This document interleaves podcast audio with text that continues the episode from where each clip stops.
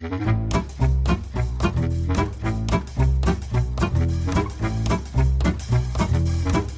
hører på Jernbanen.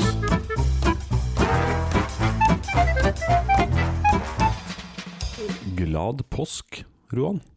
Jo, takk så mye. Ja, og Mona selvfølgelig. Ja, takk, takk, takk. Ja. Det er hyggelig, hyggelig. Jeg henvendte meg først til Roan, selvfølgelig, fordi han er jo kvart svensk. Mm, og kvart påskehare. Mm. Kvart påskehare. Yes. Litt sånn lodden påskehare. Nå er det jo midt i påsketida. Det er det. Skjærtorsdag. Mhm. Et eller annet skjedde med Jesus den dagen, vi er litt usikre på hva. Ja, eh, det, det, det bør vi egentlig lære oss en eller annen gang i løpet av um, denne podkasten. Altså ikke denne episoden, men podkasten generelt. La, la, det kan hende vi skal utforske det her nærmere om sånn ca. et år. Ja. Det ble Vi har vel eh, raskt kommet fram til et trolig så var han i Getsemane. Og ble forrådt, kanskje? Nei, Eller ble han dømt i dag? Vel, han var, hang på, cross, eh, på crosset, faktisk. Hang on the cross. Han hang på korset på langfredag. Ja, den var lang. Men, Ja. men rakk han å bli dømt på morgenen, liksom, og så hang de på korset samme dag? Eller eh, Jeg har aldri hørt om at to uker før var han i Getsemane, så satt han i varetekt. Vel, han måtte reise litt fram og tilbake og sånn Usikkert. også, jo, fordi at eh, det, det var ikke alle som ville han, Pontus piloten ville helst ikke dømme han. Pontus Piloten, piloten, Ja, ja, så da ble han sendt til, eh, til Ja, eh, Hva heter han for noe? Hæ? Hæ? Herodes Falsk. Herodes, til Herodes Falsk, Ja. uh, som sa nei, nei, vi la Pontus piloten få lov til å dømme han. Så han var litt fram og tilbake òg. Vi skjønner at eh, Hjernemos er ingen dokumentaristisk podkast, det har vi aldri påstått å være. Det tror jeg ikke vi hadde klart å påstå at vi er heller. Nei, Vi kunne selvfølgelig innhente denne informasjonen, men det har vi heller ikke gjort. Fordi det er ikke spesielt eh, det vi tenkte å snakke så mye om. Nei, men jeg må notere meg at jeg må Altså, vi må finne ut om Var det mulig å anke på den tiden? Ja, og, og hva med menneskerettighetsdomstolen i Haag? Aha, hvor var Amnesty, liksom? Jeg tror ikke Haag eksisterte på det tidspunktet. Det nærmeste vi kom var Babylons hengende Haag. Menneskeretts... Ja, jeg gidder ikke å prøve på det ordet som ikke klarte det første gangen. Nei, du hører altså på Hjernemos, Norges mest profesjonelle hjemmesnekra podkast med Rohan, eh, Mona og Jan Erik. Yes. Og vi eh, leverer ukentlig eh, høyaktuelle temaer. Mhm. Sånn eh, Kanskje ikke ukentlig høyaktuelle, men uh, vi leverer litt temas pakket inn i uh, millenniumsfilteret. Ja, og jeg tror altså uansett om de ikke er høyaktuelle der og da nettopp denne uken, så er de høyaktuelle i et høyverdig liv. Er du ikke enig i det, Jan Erik? Jo, det syns jeg var veldig godt sagt. Ja. Monas er Det var tydeligvis svakt. Ja, De er høyaktuelle over en hundreårsperiode, Ja. det vil jeg si. ja. Mhm. Mona er ikke helt overbevist om den definisjonen heller. Men eh, vi eh, sitter jo ikke nå sammen på skjærtorsdag og spiller dette inn. Vi har gjort det rett før påskeferien. Eh, hva gjør du eh, nå? Altså, Altså, nå, nå gjør du meg forvirra igjen. ja, tenk deg en uke frem. Hva gjør du skjærtorsdag? Det skal jeg fortelle, Jan Erik. Om en uke så sitter jeg forhåpentligvis i strålende Oslo-sol og drikker eh, Solo og øl. Og du, Mona? Du har fri? Jeg har fri. De fleste har fri på, så- på skjærtorsdag. Ja, det er sant. Ja. Hvis det er fint vær, så kanskje jeg er ute i marka. Oi. Det er lov å håpe, i hvert fall. Det er lov å håpe. Ja. Været er jo veldig bra nå eh, før påske. Akkurat nå, ja. Så Ja. vi får se om det holder seg. Det blir spennende. Jeg selv er forhåpentligvis eh, på ferie med familien i Oppdal. Og holder dere langt unna alle andre familier. Ja, Mhm. det er planen. Vi Ja. bor, bor i eget hus i hvert fall. Eh, Så vet ikke helt hvorfor vi skal forflytte oss til en annen plass og ikke gjøre noe der. Men eh, Hvor mange meter er det mellom holdt på å si, hver slott i, i skiheisen? Er det over to meter? eh, det blir det når du står i skiheisen, Ja. men ikke før du har kommet på. Aha. Så det blir spennende å se. Ja. Vi har planer om å i skiheisen. ja bare, bare ha med målebånd. Ja. Eller tommestokk, kanskje. Litt enklere. Jeg, skal, jeg tenker sånn en 13-åring imellom, så legger han ut. Så er han drøymeteren. Så det blir eh, han som fungerer som målestokk. Ja, men Unnskyld meg, har ikke du en sønn som er omtrent to meter? da? Jo, min eldste sønn er to meter nesten. Ja, ja, men da kan vi jo bruke han. Ja, det er sant. Hmm. Han har også så store føtter at vi kan legge to føtter etter hverandre, så blir det også ca. halvannen meter. Nei, altså sånn er det. Vi har jo en spennende episode i dag. Vi har et, eh, en liten overraskelse eh, til alle der ute. Mm -hmm. Noen har kanskje fått med seg at det kjente og kjære Radioteatret har blitt lagt ned som radioteater. Mm -hmm. og så har det jo kommet ut at det skal da bli podkast. Ingen vet jo at dette, det er Hjernemos som er den podkasten dette skal ut i. Mhm. Yes. Det har vært vanskelig å holde den hemmeligheten. Men, men nå har vi lov til å si det. Det er Nå, nå, er, nå er vi der. Ja. Påska er jo ikke det samme uten en påskekrim, eh, og vi som Hjernemos Radioteatret eh, kicker i gang påska nå på den første offisielle påskedagen med en eh, krim skrevet, forfattet av Rohan von Sandemo, og denne krimmen heter Når de blir modne, så faller de ned.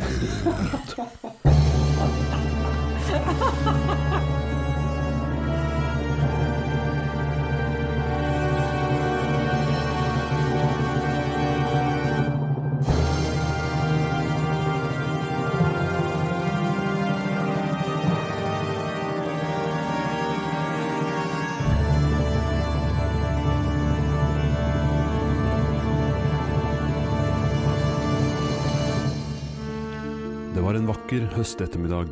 Inspektør John Zestar, kjent som The Northern Spy i tabloidene, hadde allerede hatt en lang dag med flere togbytter fra han startet tidlig på morgenen i hjembyen Edinburgh, til han nå satt på den siste strekningen mot Chelmsford i Essex. Utenfor vinduet kunne han se vakre høstfarger flyve forbi, og lyden fra lokomotivets pulserende hjul var hypnotiserende og søvndyssende. John var i ferd med å døse av da han skvatt til av et bank på døren til kupeen. Han snudde seg og så opp på en ung kvinne. Eller kanskje ikke så ung. Unnskyld, er det ledig her hos deg? Det er stappfull ellers i toget.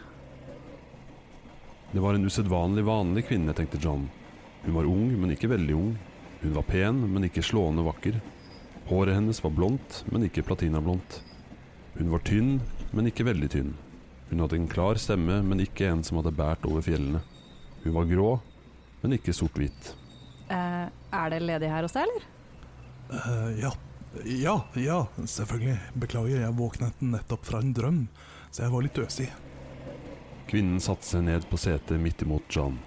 Hun tok opp et eple fra vesken. Ikke et blodrødt eventyreple slik man kan se for seg i eventyr om Snøhvit, men et kraterfylt, fargespekket et, tydelig plukket fra hennes egen hage.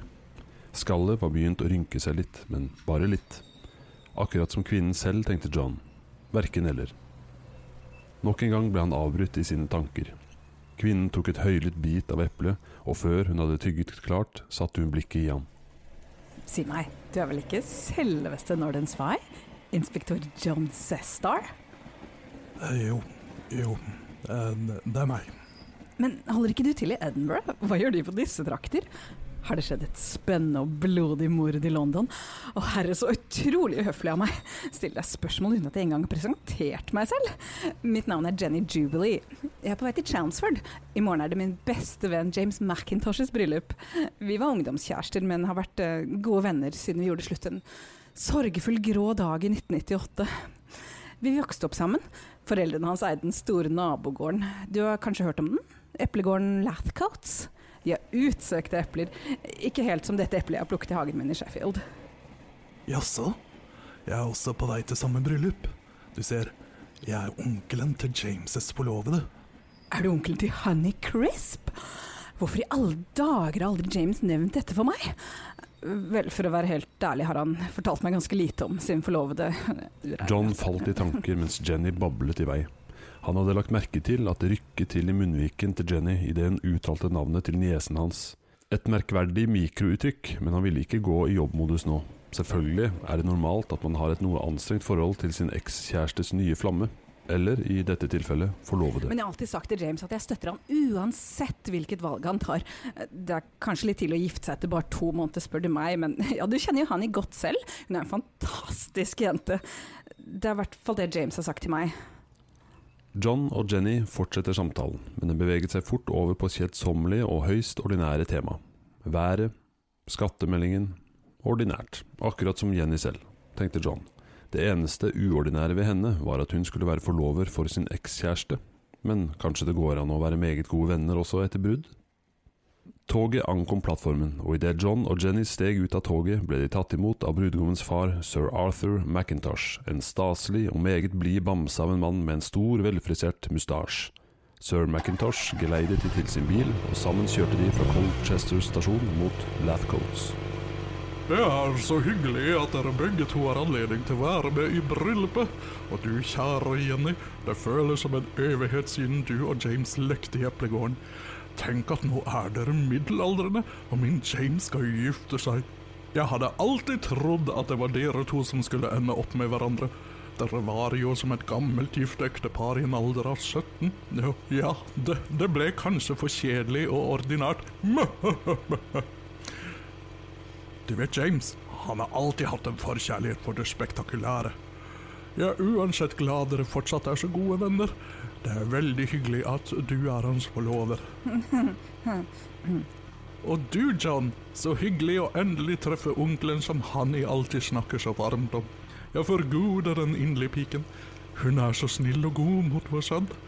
Hun kommer i og for seg ikke fra en eplefamilie, slik som også Jenny Jubilee, noe min frue var meget skeptisk til i begynnelsen, men hun har også varmet opp overfor henne.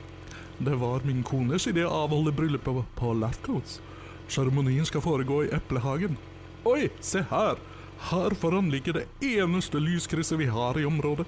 De har satt opp skiltene i forrige uke. Hvem skulle tro at vi ville få en McDonald's før de bygde lyskryss? Visste du, vi, vi selger epler til McDonald's sine eplepaier. Det er derfor de har fått en ny vår. Sir McIntosh hugget inn bremsene midt i krysset, og rett foran de braste en bil rett ut i grøften. Det var bare centimeter unna og han var fryktelig galt. Ut av bilen hoppet en fantastisk vakker, mørkhåret kvinne med mørke solbriller. Hun var tydelig rasende. Hva er det galt med deg? Du kunne drømt en allé! Galt med meg? Det er jo du som kjører rett ut i krysset på rødt lys. Si meg, spilte du Candy Crush på mobilen nå igjen? Du vet hva jeg synes om at du spiller mobilspill samtidig som du kjører. Du kunne ha drept oss alle, hadde jeg ikke vært så alert på bremsen. Den mørkhårede damen freste og knyttet nevene sine så hardt at knokene ble hvite. Candy Crush! Hva er det du insinuerer? Du vet at jeg har gått på Candy Crush, og jeg har bare sluttet med mobilspill forrige uke!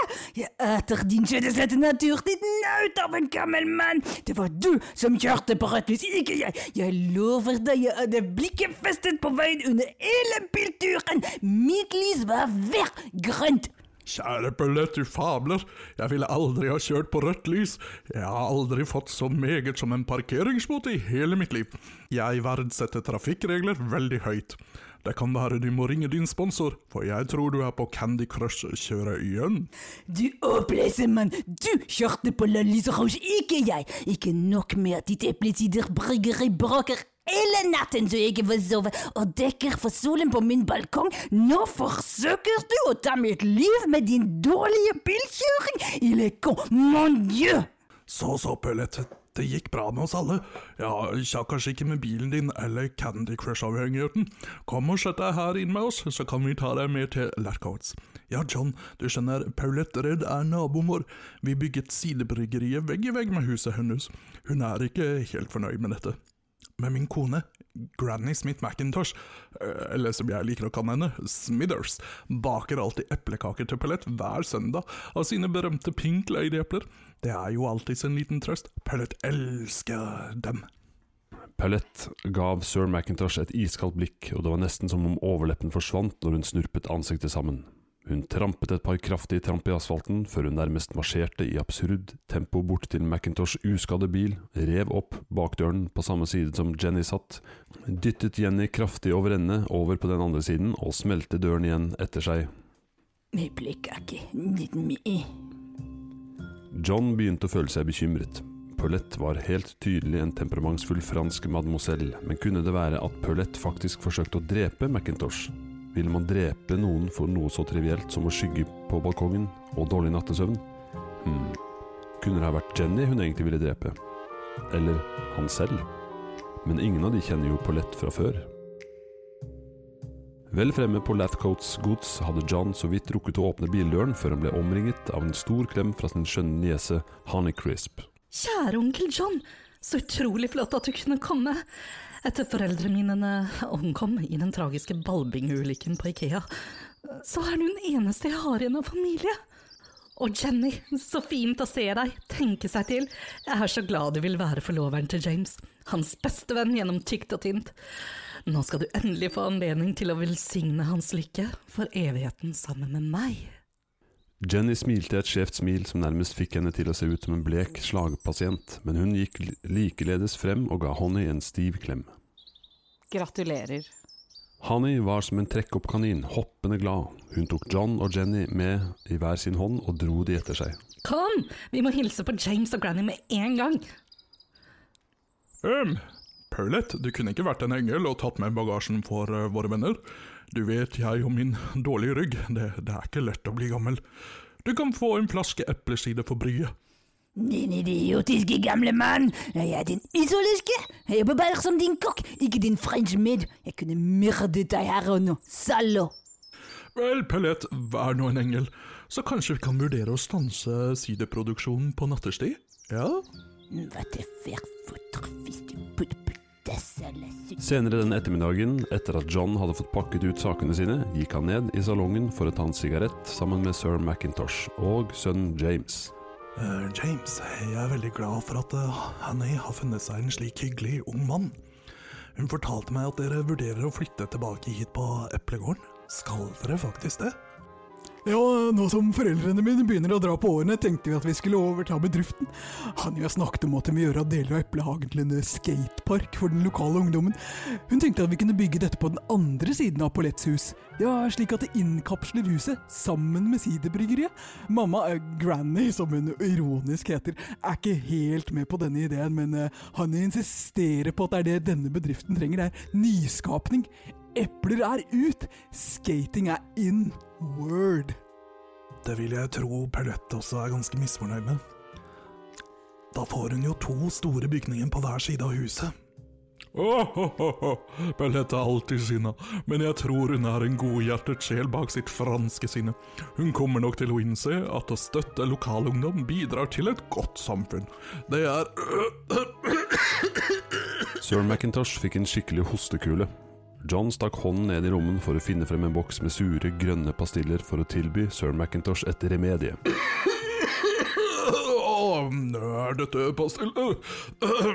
Så snilt av deg. Men er de sure? Jeg hater alt som smaker surt. Jeg var sikker på at du ga meg bringebærdrops. Nei da, jeg trenger bare et glass vann. Ellers takk. Du, du vet, han jo elsker jo sure pastiller. Kanskje du skal tilby henne en etterpå? Selv om hun er den søteste jenta i hele verden, så har hun en rar forkjærlighet for surt snop. Jeg selv som pappa kan ikke fordra sure smaker. Akkurat da lød det i middagsgongen, og de tre herrer bevegde seg mot spisestuen. De satt alle rundt middagsbordet. John, Honey og Jenny på den ene siden. På den andre siden satt sir McIntosh, Granny Smith og James. Si meg, Honey, du har vel ikke tenkt å gjennomføre de naive skateparkplanene nå som dere overtar Eplegården? Jeg ville blitt fra meg om du skulle hugge ned alle de vakre Pink Lady-trærne inntil Letts husvegg.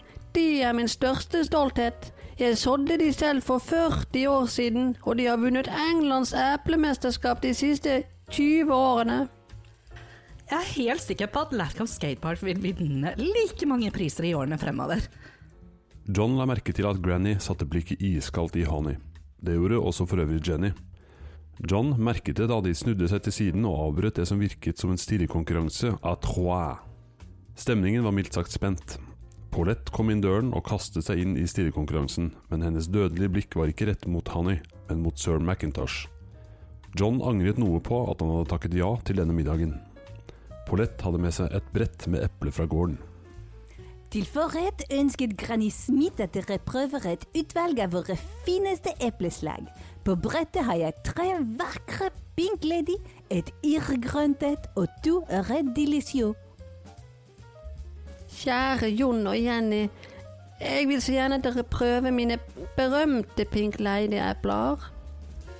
Jeg tar gjerne et eh, Appapapaponi, er i dette huset følger vi standardetikett. Gjestene først, deretter alder. Paulette, da. Hanni blir jo snart fruen av huset. Jeg og Smithers bryr oss ikke mye om serveringsetikette uansett. Denne mannen aner ingenting om betydningen av etikette, vet du, forfetter Arthur, jeg er for en gangs skyld enig med Paulette. Enn så lenge er det jeg som er fruen av dette huset, og vi forholder oss til skikk og bruk. Hanni, du får vente til jeg er i graven før du tar over dette huset med ditt nymotens galskap og villheter. Sir McIntosh skulle til å si imot sin egen kone da Honey avbrøt han. Kjære svigerforeldre, jeg beklager så meget. Selvfølgelig vil jeg opprettholde skikk og bruk. Vær så god, de eldste først. Granny, som var husets eldste, tok et Red Delicious. Da lød det et brak bak henne. Hva er det du holder på med, Paulette? Paulette hadde snublet i bjørneskinnsfellen og hadde gått på hodet inn i peisen. Granny reiste seg opp og forsøkte å dra Paulette ut av vasken. Kom igjen, da. Kom igjen da. Samtidig forsynte de andre seg rundt bordet. Sir Macintosh tok det grønne eplet, James Macintosh tok et Pink Lady, og til slutt tok Honey, den yngste, det siste Red Delicious-eplet. Et kollektivt knas lød over bordet mens alle tok en bit av hvert sitt eple. Granny, jeg klarer utmerket fint å komme meg opp selv. Kan du la være å røske i klærne mine? Du får sutt over oss begge! Sir Macintosh falt brått død om, med ansiktet plantet rett ned i bordet. Ut av hånden hans trillet det grønne eplet. Granny Smith og Paulette tittet opp fra peisen. Arthur! Arthur!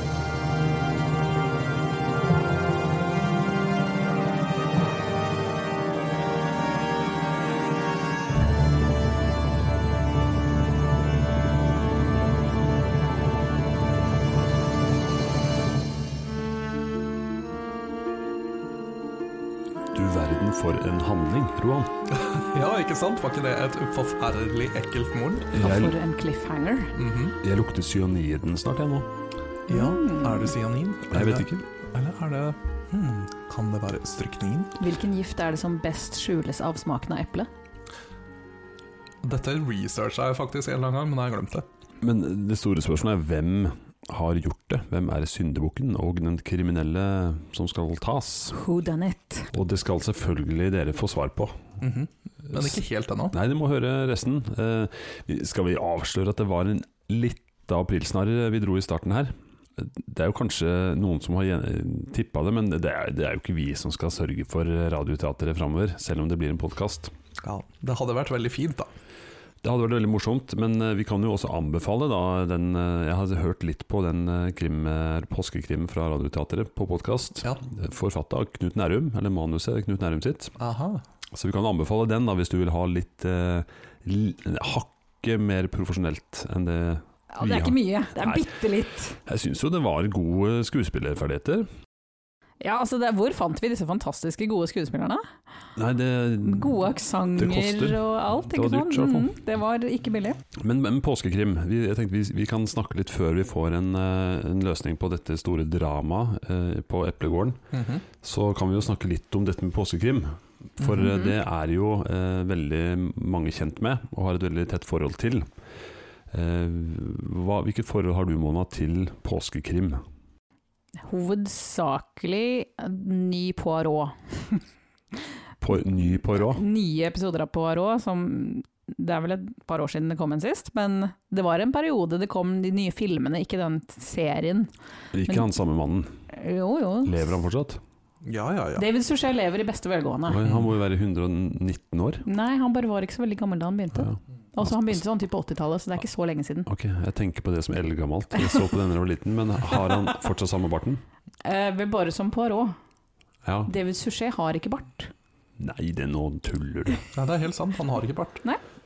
Vi kan legge vi, Han har heller ikke belgisk aksent, jeg må bare si det. Altså, jeg knuser alle dine drømmer her. Mine eh, grunn, grunnsten faller i hop. Mm -hmm. Ikke er han spesielt tjukk heller. Han Nei, har på seg sånn dager. fatsuit. Mm -hmm. Og ikke kom og si at han ikke er flink til å løse mysterier heller. Ja, Det vet jeg faktisk ingenting om. Nei, det tror jeg Det kan hende vi må stille han et spørsmål, sende en gåte til han. Kanskje han blir gjest neste år. Kanskje? Vi får se. Herregud, da kommer jeg til å være så starstruck. Men, men altså på råd, så det er altså da eh, TV du tenker på når du er tenker TV. Jeg er ikke så veldig radioperson. Med unntak av selvfølgelig you know, når jeg er radioansikt. Selvfølgelig. Men hva med bøker? Mm, Jeg har ikke pleid å lese noe spesielt mye påskekrimbøker, eh, må jeg innrømme. Eh, Men igjen, det eneste jeg leser av krimbøker er Agatha Christie og en og annen Bernhard Borge. Så det skal helst være gammelt. det Skal helst være gammelt. Hva med deg, Roan? Eh, jeg er jo den største krimfantasten uh, i iallfall Hjernemålspanelet, om ikke også hele Norge, vil jeg tro. Ja, det går ikke bare i påska. Eh, nei, eh, jeg har, eh, jeg har julekrim, og jeg har sommerkrim, jeg har bursdagskrim, og kanskje en og annen fastekrim. Det, det, det går i krim hele året, ja. Som i, når du faster, når, når det er offisiell faste. Har jeg noensinne fasta, Mona? Nei, men du sa fastekrim. Ja, ja, men altså under fasten, ikke Ja. når jeg faster. Nei, nei, selvfølgelig. Du ville aldri funnet på å faste. Nei. Nei. Men eh, ja, det går eh, stort sett i krim hele året, men jeg syns det er ekstra koselig i påsken. Ja, Mm. og, og da er det også krim på TV, da.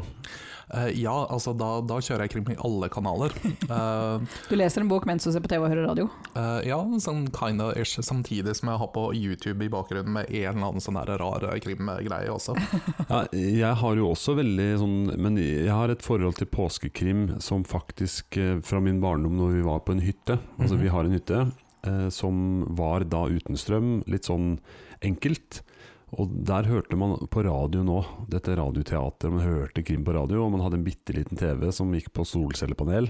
Så vi fikk også sett eh, NRKs påskekrim, eh, og hele familien, fra stort til små, fulgte jo med på det groteske greiene. Eh, Så det var liksom veldig påske for meg, da. Ikke så mye lesing faktisk, da, som TV og, og radio, faktisk. Jeg føler meg veldig gammel når jeg sier det, men radio. Ja. Det er jo litt sånn spesielt at du sier det, fordi jeg har også den eh, Nå skal det sies at jeg så veldig mye rare ting på TV når jeg var altfor ung for det, men altså, Mhm. var ikke det her en sånn generell ting? At eh, når det var påskekrim, så var det alle, hele familien så på, Ja, ja. uansett om du liksom var fem år.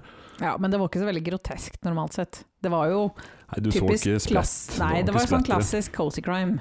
Ja, men det har blitt litt annerledes eh, i løpet av årene, men det kan vi kanskje komme tilbake til etter hvert. Ja, men du sier at det var sånn før. Vi er jo samme generasjon, så jeg tror Mhm. nok på den tiden, altså 80-90-tallet, Mm. så var nok det, sånn som jeg også opplever det, en sånn familierelatert sak. da Vi så på den, eh, alle sammen. Mm. Men eh, jeg har sjekka litt sånn på opphavet for påskekrim. Eh, og, og nokså naturlig da, så er det to fellestrekk eh, for en påskekrim. Det er kriminalfortellinger, -hmm. det, og det er eh, at det skjer i forbindelse med påsken. Mm. Også ikke akkurat noe eh, stor overraskelse, men eh, fenomenet er tilbake fra 1920-30-tallet. At det begynte å komme eh, sånne bøker hvor man knytta det inn mot påsken.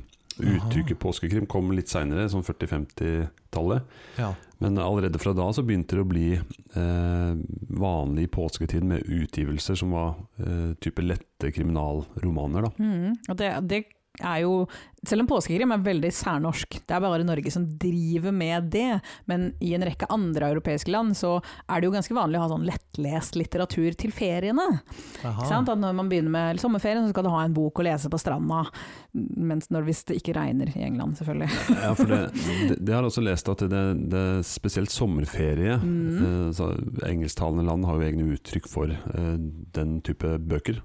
Eh, som vi har egentlig påskekrim. Vi har jo ikke så mye sommer... Ja, vi har kanskje sommerbøker òg, men ikke så etablert som påskekrim. Ja, det skal ikke nødvendigvis være krim heller. Jeg tror det er mer sånn lettlest litteratur. Mm. Og så har vi på en måte tatt sånn, for vi har jo veldig lang påskeferie. Så de fleste har jo ikke så lang påskeferie som det nordmenn har. Mm. Nei, Det er også tatt fram som et uh, trolig et argument. At Mhm. vi har faktisk lange ferier. Det er ikke en langhelg sånn som andre har det. Nei, ikke sant. Vi har jo fort uh, over en uke, hvis man tar med alt av inneklemte her og der. Men det er jo sjeldent at påskekrim handler om påsken. Nesten aldri. Det er jo nesten aldri. Det er veldig sjelden satt i påsken sånn spesifikt. Så det Ja, kunne vært gitt ut egentlig når som helst i løpet av året. Mm. Ja, jeg vet, jeg vet faktisk ikke om jeg har lest en, eh, en krimbok som, eh, som handler spesifikt om påska. Nei, Ei heller TV, film mm Nei? Det er bare krim. Og Det kan være på sommeren, det kan være på vinteren. Det, det spiller ingen ja. rolle, men påskekrim like fullt. Mhm. Ja. Så det, det er litt sånn snodig. Men eh, ja Og de bruker jo, når de går på TV, og i og for seg også på radio, altså det som er fint med det, er at de deler det opp i episoder, ikke sant? sånn at du får eh, et lite krimtilskudd hver eneste dag i løpet av ferien. Ja, ikke sant? Mm. Som en serie, og ofte så er serien kanskje fra onsdag til søndag. Altså, det er ikke fra fredag kveld, selv om mange tar påskefri en uke før påske. Mm. Så, så dreier det seg gjerne om sånn fire-fem episoder.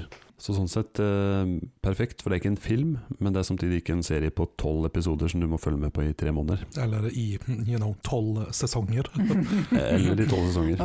Sel, Selv, om det finnes jo nok av de krimseriene som har gått mer enn tolv episoder. Ja, det er jo ja. sant. Og Roan har sett alle. Jeg har det, men, eh, men en del av altså, De er jo ofte ikke sammenhengende. Eller altså, Det er jo på en måte samme persongalleriet, men historien går ikke over tolv Nei, det er et nytt mord hver gang. Ikke sant? Mm. Og det er også sjeldent at de frontes som påskekrimmen dette året, Mhm. eller? Nei, det går jo hele, det går jo hele året, det. Ja. For nå, nå ser jeg at i år, da, 2021, så har NRK intet mindre enn fem serier som de fronter som innenfor påskekrimmen sin. ja. Wow. Og TV 2 har to. Eh, så det har nok utvikla seg litt før, altså i gamle der, som man kalte det, når vi var små. Da var det vel én, som jeg husker i hvert fall, som man fulgte med på. ja, det var vel også påskekrimmen, liksom. Ja, men da hadde vi vel også nesten bare NRK. Ja, det er sant. Ja. Mm. Men det kan, ja, det kan sånn sett hende at dette med strømming har gjort at man har flere muligheter, da. Eh, Ja, absolutt. Og ikke minst det at NRK er ikke bare NRK lenger. Du har ganske mange TV-kanaler i sant. tillegg til det digitale arkivet. Men jeg kom på noe Det var jo også barne- eller sånn ungdomsserier òg. Jeg husker spesielt én som gjorde veldig sterkt inntrykk på meg. Eh, det er Hva meg gjette? Eh, Nei, jeg vet ikke hva han, jeg husker ikke hva han heter. Men det var noen ungdommer på en øy. Mysteriet med det levende lik. Yes! Oh. Jeg har hørt dette ordnavnet, og jeg er sikker på at jeg har sett det en gang også, men jeg husker ingenting av det. Det var Det var, var fantastisk. Det var helt amazing, det var det. Var det norskt? Eh, det var en, et samarbeid mellom eh, Nordisk. NRK, SVT, Yle Det var vel egentlig alle de, eh, de nordiske mm, de rikskringkasterne, Hmm. rett og slett. Ja, for det var, det var Nå, nå googler jeg den opp. Så det var, eh, den gikk i 1992. Og det handlet om en gruppe skandinaviske barn som var på ferie på den danske øya Mhm. en, Entelav. Og Der fant de liket av en gresk arbeider. Det var en fantastisk serie. Det var et eller annet som gjorde så enormt inntrykk på meg. Altså, den var faktisk skikkelig uhyggelig. Fæl, men samtidig innretta på ungdom, eh, følte jeg sjøl når jeg så den. da Ja, altså, den var jo superspennende, men eh, den, var, eh, den hadde en atmosfære som egentlig ikke ja, den overgår faktisk veldig mye av av du har det samme opplevelse som meg, Jeg det. Jeg var helt uh, Jeg husker ikke hva den het, men når du sa det, så var det med en gang det Hmm. Den, den anbefales, Mona, hvis ikke du har sett den. Ja. Vi, vi må legge ut en link til den på, på Instagrammen vår, Hjernemos podkast.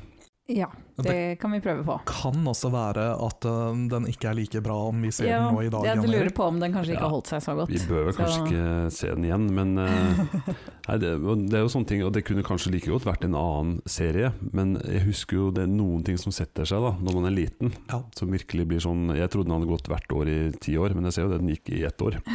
Gjorde det, Men gikk den i påska? Var ikke det en sånn der sommerserie? Kanskje den gikk i det, påska? Det står ikke, Jeg tror den gikk i påska fordi jeg husker den fra, eh, fra hytta. Ja, Jeg forbinder den med hytta vi det var er på. kult. Kanskje du hadde tatt den opp på VHS? Eh, tvilsomt, for vi hadde ikke det på hytta. Det tar strøm, Mm. vet du. Mm. Solcellepanel. Men, eh, men husker du temalåten? For den var jo også amazing. Nei. Nei, vi, eh, eh, vi skal ta og finne, finne denne låta. Kanskje vi klarer å klippe inn Det er så morsomt at den ligger på NRK.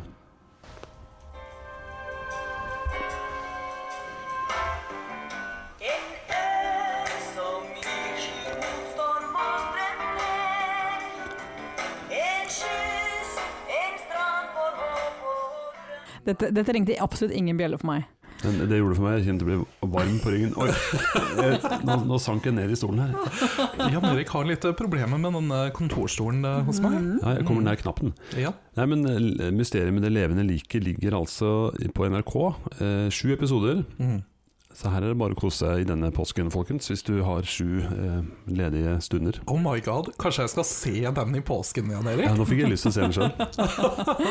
Du får introdusere den for den nye generasjonen. ja, skal se hva de syns. Ja. Men nå skal det sies at jeg har sett noen filmer sammen med gutta på 13 og 15 som ble lagd i min storhetstid, storhetstid. -hmm. Altså typ for 20 år siden. Mhm. eh, og de ler av liksom effekten og ler av Ja. hvordan det ser ut og sånt, mens jeg tenker bare faen, det er jo helt normalt. Det er jo drittøft. Bruce Willis, for eksempel. Eh, Ja, um, Vis dem Total Recall. gjør det. Eh, Da, Siden, da blir jeg og Mona med, faktisk. Aha. Jeg og Mona kan vise de Total Recall. Yes, vi tar ansvar. Ja. Men eh, en annen, eh, annen ting som jeg husker å ha lest i nyere tid, som jeg syns var veldig morsomt, og veldig typisk påskekrimbok eh, og det, Her har du en million å velge i, men eh, jeg har før snakka om Knut Nærum. Yes. Med noen andre bøker. Jeg, jeg er veldig fan. Han syns han er veldig morsom. 'Døde menn går på ski'. Den har faktisk jeg lest, og den er fantastisk. Den er utrolig morsom. Det er Sånn- liksom parodi på en påskekrim. Ja, men sånn apropos Bernhard Borge, det er veldig liksom innafor der. Og, det er selvfølgelig foregår på hyttetur. Naturligvis. Språket er litt gammelmodig. Ja, litt sånn, og, én en og en forsvinner. Mm. De finner liksom folk drept, og det er en av de som er der. Det er en fantastisk bok. Ja, Jeg syns også de er kjempe Eller altså, både Bernhard Borge og Knut Nærum eh, sine er jo veldig Jeg har eh, Rett bak Jan Erik så står eh, hele André Bjerke-samlinga, og så tror jeg Knut Nærum står rett ved siden av også. Det passer veldig bra.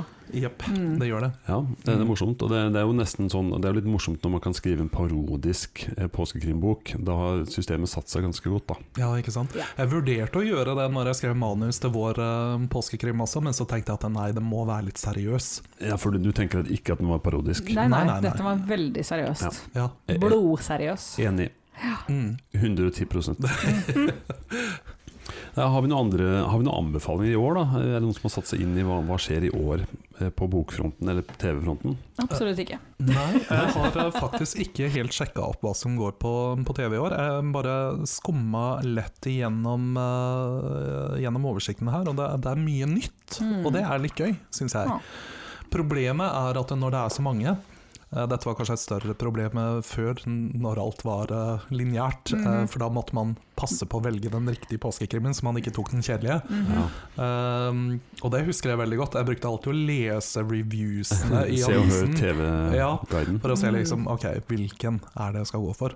Men, eh, men nå har man jo mulighet til å se alle sammen. Uh, men jeg vet ikke helt, det, var- det var mye nytt på lista. Jeg har ikke heller satt meg inn i hva som går på TV, men jeg vil jo anbefale NRK bruker jo ha en sånn safe Altså de bruker å ha kvalitet -hmm. eh, og noe bra. Så det de lister opp på eh, NRK nett-TV, tipper jeg er bra greier. Der ville jeg starta, da. Ja. Og så, så vet jeg jo at jeg googla litt. De, de har jo en tradisjon for å ha sånn eh, novellesamling med eh, en del av de aller største eh, kriminalforfatterne. Den heter vel Påskekrim 2021. Den heter vel, De har gitt ut de før òg.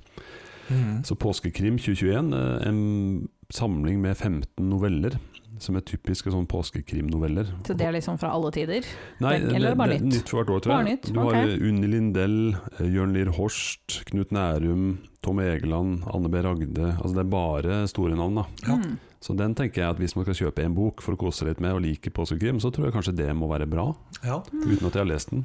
Nei, altså alle de navnene er jo eh, Jørgen Jæger, det, er- det er veldig, jeg har lest veldig mange bøker fra de her. Mm. Virkelig. Så den, eh, den fikk jeg litt, litt lyst til faktisk å kjøpe meg med på ferie sjøl. ja, ja, men altså, hvorfor ikke? Gå for det. Gå for Jeg har, uh, gjennom årene så har jeg lest veldig mye Minette Walters i påska. Uh, vet ikke om dere kjenner til bøkene hennes. Nei, -hmm. de, er, uh, de er hakket mer groteske, Ja, men, men jeg er jo ganske grotesk av Det natur kler også. deg. Det- Og av utseende. Og utseende, ja.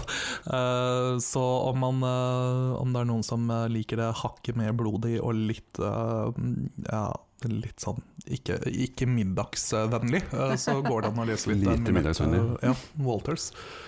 Men en, en annen ting som jeg har lest veldig mye, eh, er øh, påskekrimmen på melkekartongen. Ja. Ja. For det er også en tradisjon. Jeg liker hvordan USA putter savnede barn på, påske, på melkekartongen. Vi putter påskekrim. Ja, for det, det er sjelden savnede barn i påskekrimmen på melkekartongen. Ja, kanskje det skulle være det? Og i, år- I år er vel første gang det ikke er krim på melkekartongen, men de henviser da med QR-kode til internettet. Oi, virkelig? Ja, Det er litt dårlig gjort, syns jeg. med mindre det kommer på melkekartongen i påsken, for per nå så er det kun en sånn Det store vaffelmysteriet. Ah. altså QR-kode og Mm. greier. Så jeg har selvfølgelig i går kveld vært inne og lest den. Mener jeg har avslørt den store kriminelle fanten. Var det vaffelen? Jeg har svart på det inne på nett. Ah. Du vet at Om du har tenkt å si hvem det her er, så må vi legge ut en eh, spoiler alert. Jeg kommer Ja. ikke til å avsløre det. Nei, ok. Jeg tror det var eh, butleren.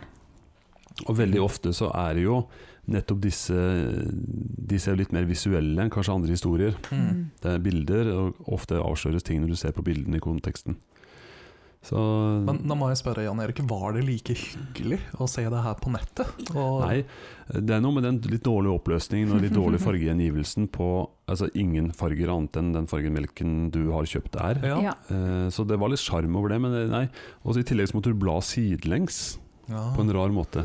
Nei, vet du hva, det her vet jeg ikke helt om jeg synes det hørtes ut som en veldig god idé. Fordi er det én ting som fortsatt alltid kommer til å være fysisk, så er det jo melka. ja, jeg er veldig ja. lite for digital melk. Uh, ja. Ja, det, det høres ikke ut som en god idé.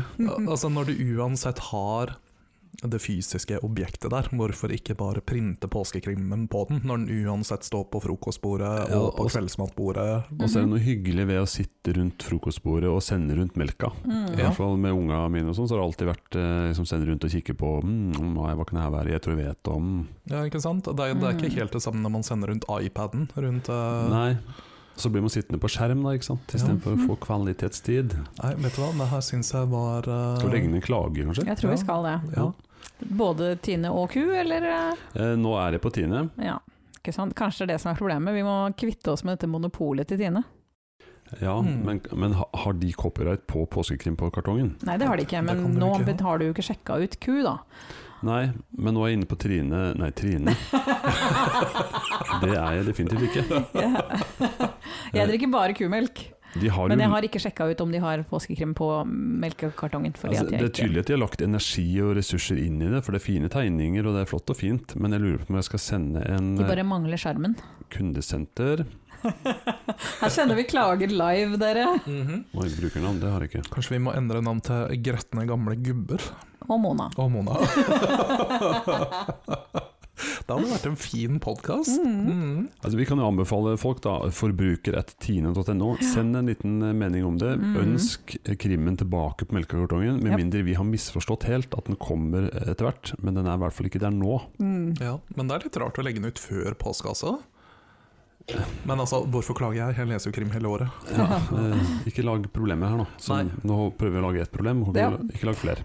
Yep, jep. Nå har vi, snakka litt rundt påskekrim, men uh, hva er påsken ellers, da? Hvilke andre minner har vi rundt påsken? For det er jo mer enn bare krim. Severin Suveren. Ja. Og den musikken som for meg er veldig påskekrimmete. Mm. For jeg syns den er veldig sånn dramatisk og høres Ja. ut som det er noe sånn Skummelt som skal skje. Engmark, var det ikke? Yes, det er det. Og ikke at jeg noensinne har gått på et fjell og trenger å grave meg ned i tide, men det er et eller annet med de fjellvettreglene og den, den melodien som er Ja. Det er noe spesielt med den. Den hytta vi har, er- på fjellet, så jeg husker også veldig godt den. Eh, Mm. vi var på fjelltur. Altså Påskeminnet for meg er jo egentlig eh, hytte. Mm. Den hytta, ski, litt sånn dårlig snø, men varmt og fint. Eh, Kvikk Lunsj, appelsin, egentlig alle de standard Mm. eh, greiene. da Vel, altså, på den, øh, da jeg var ung, så bodde jeg jo nesten på fjellet fra før. Eh, Så Mm. mine holdt på å si påskeminner Vi var ikke så mye på hytta egentlig på vinteren, fordi det var vanskelig å komme seg til hytta på vinteren. Men det var jo fjell nok der hvor vi allerede var. Ja. Og snø nok, altså. Men nei, jeg har veldig gode minner fra, fra Vestre Slidre, påska der. Eh, og ikke minst da det å ha det store påskeegget. Mm, Påskeegg, ja, det vil vi ikke snakke om. Påskeegg er viktig. Mhm. For barna mine så er det med påskeegg ganske viktig. Ja. Uh, I fjor så var jeg hjemme i påska, naturlig nok. Eh, det var vel alle i koronapåske nummer én. Forhåpentligvis. Forhåpentligvis. Og da var det ut og finne påskeegg. Jeg hadde vært ute og løpt og gjemt påskeegg. Eh, jeg har jo noen eldre barn nå, så jeg lagde kart. Oh, Eh, ja, du har sånn påskeeggjakt og sånn? Ja, det, det, Ja, vi må jo- oppgraderte. Ja, ikke sant? Må jo underholde disse barna. Året før var, var vi i Oppdal, og da var svigermor kledd ut som en svær påskehare. Oh. I et enormt proft kostyme. Det var sånn ordentlig NRK-kostymelager-ish. Nice. Så kult. Og så snakka Men får dere selv påskeegg? Eller er det bare for kidsa? Nei, det er bare for kidsa, egentlig. Så du får ikke påskeegg? Du må Jeg har fått ett påskeegg i mitt liv, og det var når jeg fikk min yngste datter, som ble født eh, Hun har bursdag nå på fredag, så hun ble født rundt påsketider det året i 2017. Dytta de ungen inn i et påskeegg? Eh, nei, eh, men de dytta masse annet. Jeg fikk av kollegaene mine et svært ja. påskeegg med alt fra godteri til påske, annet påskedigg og kondomer. Ja. Lurt. Veldig lurt. Jeg har jo siden blitt kastrert, så Ja. Det Ja. var også lurt. Også lurt ja, for dette var den bruke siste kondomer direkte. likevel. Ja, ikke sant. Risikerer vi ingenting. Nei, ikke sant? Men Roan, hvem, hvem kjøper påskeegg til deg? Hvem kjøper kondomer til meg, mener du? Det òg. Påskeegg med kondomer. Kan det hende at du får en påskeoverraskelse i år? Uh, vel, altså nå, stod, nå sa sa jo regjeringen at uh, enslige har lov til å ha én til to faste overnattingsgjester, sto det nå, faktisk. Så mm, det, det, altså, det er lov å håpe. Kanskje, kanskje, det, kanskje det er det jeg skal gjøre i påska? Mm. Date litt. Problemet er at det må bli fast med en gang. Ja, ikke sant? Ja, Så det er liksom, med med en gang du møter dem, så er det sånn Nå er vi faste overnattingsgjester. Og du får, du får ikke lov å ha andre. Nei. Nei, Du kan få ha en annen. Ja, en annen. Ok, Kanskje det ikke er nå jeg skal Mm. Nei, Hvis du har venta ett år, så vent litt til. Ja, vent litt til. Eh, Hei alle lyttere, og velkommen til mitt um... Nok en datingepisode. Yes. Ja. Jeg, jeg kan avsløre at jeg har kjøpt påskeegg til min samboer, og det er det største kinderegget jeg noensinne har sett. Et Kinderegg. ja, det er gigantisk. gigantisk. Såpass, ja. Mm. Til Du må legge ut bilde 270 av det her. kroner. Jeg skal legge det ut med ba- banana for scale. Ja. Det er bokstavelig talt det største kinderegget kin noensinne. Kinderegg er jo egentlig den beste sjokoladen du nesten kan få. Og det Ja. er til og med gigantisk leke inni. Voksen, Wow. Voksenleke. Mm, vel, det sto Star Wars utenpå, så vi får se. Ja, det er ikke, det er ikke, det er ikke kondomeriets på eh, Kinderegg. Eh, nei, det var det ikke. Jeg tror ikke de selger faktiske kinderegg. Men før vi sklir helt ut, ja. så, så gjenstår det noe viktig her eh, som alle de påskeferierende venter på. Mhm. Eh, Vi har jo en krim. Vaksine. Eh, Ja, det òg, men det kan ikke Ja. vi bidra med. Nei, det, vi er dårlige på det. Ja. Men vi kan bidra med å få avslutta alle de cliffhangerne som vi lot henge i stad. Mhm. Ja. ja. Og vi gleder oss. ja, jeg, jeg vet slutten, da, siden jeg skrev den. Ja, men jeg, jeg må lure på Er, er, er det Pollett? Er, er John Zestar kanskje Kanskje han har gjort det? Ja. Kanskje det var påskeharen? Hvem vet? Hvem vet? Eller dere vet snart.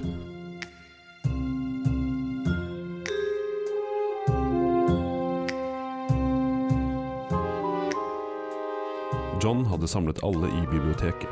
De satt i hver sin lenestol mens han selv trasket frem og tilbake foran peisen. De hadde fått liv i Granny Smith igjen ved hjelp av luktesalt. Nå satt hun og gråt, stille, full av sot. Jeg har samlet dere her eh, for å finne ut hvem eh, morderen er. Dette er en eh, veldig merkverdig sak. En veldig intrikat og kompleks sak. Hva mener du? Det er jo en superenkel sak. Det er jo helt tydelig Paulette som myrdet pappa fordi hun hater siderbryggeriet, og at han har gitt oss tillatelse til å bygge skateboarden på den andre siden av huset. Jeg mener, hun prøv, forsøkte jo å myrde han tidligere i dag, når hun nesten krasjet med han. Jeg har ikke myrdet noen som helst! Den eneste grunnen til at jeg har vært så sint de siste månedene, handler ikke om bryggeriet. Det er av abstinense fra Candy Crush. Og jeg lover, jeg forsøkte ikke myrde ham med min bil, tilsiktet eller utilsiktet eller. Sir Macintosh kjørte på La Lys Rouge. Men, men hvorfor ville Sir Macintosh ha kjørt på rødt lys? Han har alltid sagt til meg at trafikkregler er mer hellig enn Bibelen. Jeg har løst dette kjøremysteriet. Sir Macintosh kjørte faktisk på rødt lys. Men han var ikke klar over at han gjorde det. Så Paulette er uskyldig når det gjelder nestenulykken. Jeg fikk mistanke når jeg tilbød han en grønn pastill tidligere i kveld. Han tok imot den, selv om han hater surt godteri. Og alle vet jo at eh, grønne pastiller, de er alltid sure. Jeg er fast sikker på at eh, Sir Macintosh er fargeblind. Men det forklarer ingen verdens ting. Paulette kan fortsette å forgifte det når hun serverte eplene. Jeg har løst dette mordmysteriet også, og det henger sammen med fargeblindheten. Ja, Paulette satte frem eplene på bordet, men det var du, Granny Smith, som hadde lagt den onde planen. Paulette er nok en gang uskyldig. Du ville bare drepe én person, og du hadde planlagt det nøye. Dette er absurd! Mamma elsket jo pappa! Ser du ikke at hun er oppløst i tårer? Ja visst elsket hun seg Macintosh, men her skjedde det en glipp i hennes plan. Granny Smith hadde forgiftet det grønne eplet. Hun insisterte på at gjestene, Jenny og jeg, skulle smake på de harmløse Pink Lady-eplene. Hun visste også godt at Paulette verdsetter bordsetikette, siden hun har jobbet som kokke for dere over en lengre tid. Derfor var hun uh, sikker på at hun selv var den neste til å velge eple. Hun tok selv et Red Delicious. Da gjensto det tre epler. Et Pink Lady, et Red Delicious og et irrgrønt eple med samme navn som henne selv, Granny Smith. Neste til å forsyne seg var Sir Macintosh. Granny visste at han hata surepler, og ville valgt eh, et av de røde eplene. Men hun visste ikke at han var fargeblind. Hadde det ikke vært for at Paulette hadde ramlet inn i peisen, kunne hun ha stoppet ham, men hun fulgte ikke med i gjerningsøyeblikket, så også Macintosh tok det forgiftede eplet og døde. Videre visste hun at eh, sønnen James også hatet eh, sure ting, og derfor ville ta Pink Lady-eplet. Og hadde planen fungert, hadde Honey Crisp endt opp med det sure eplet. Som du, Granny, visste at hun elsket. Se hva du har gjort, Honey. Du kommer hit og kaprer min sønn og ønsker å ødelegge mitt elskede eplegård. Og nå har du fått meg til å drepe min egen mann. Jeg hater deg!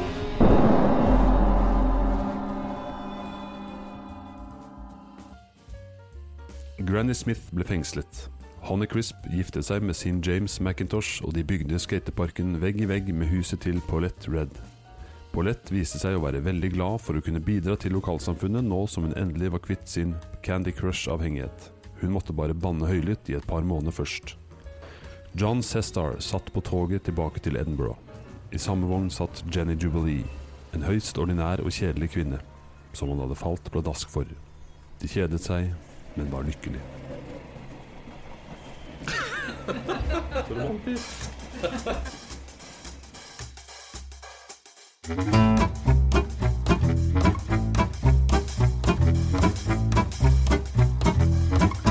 hører på Jernbanen.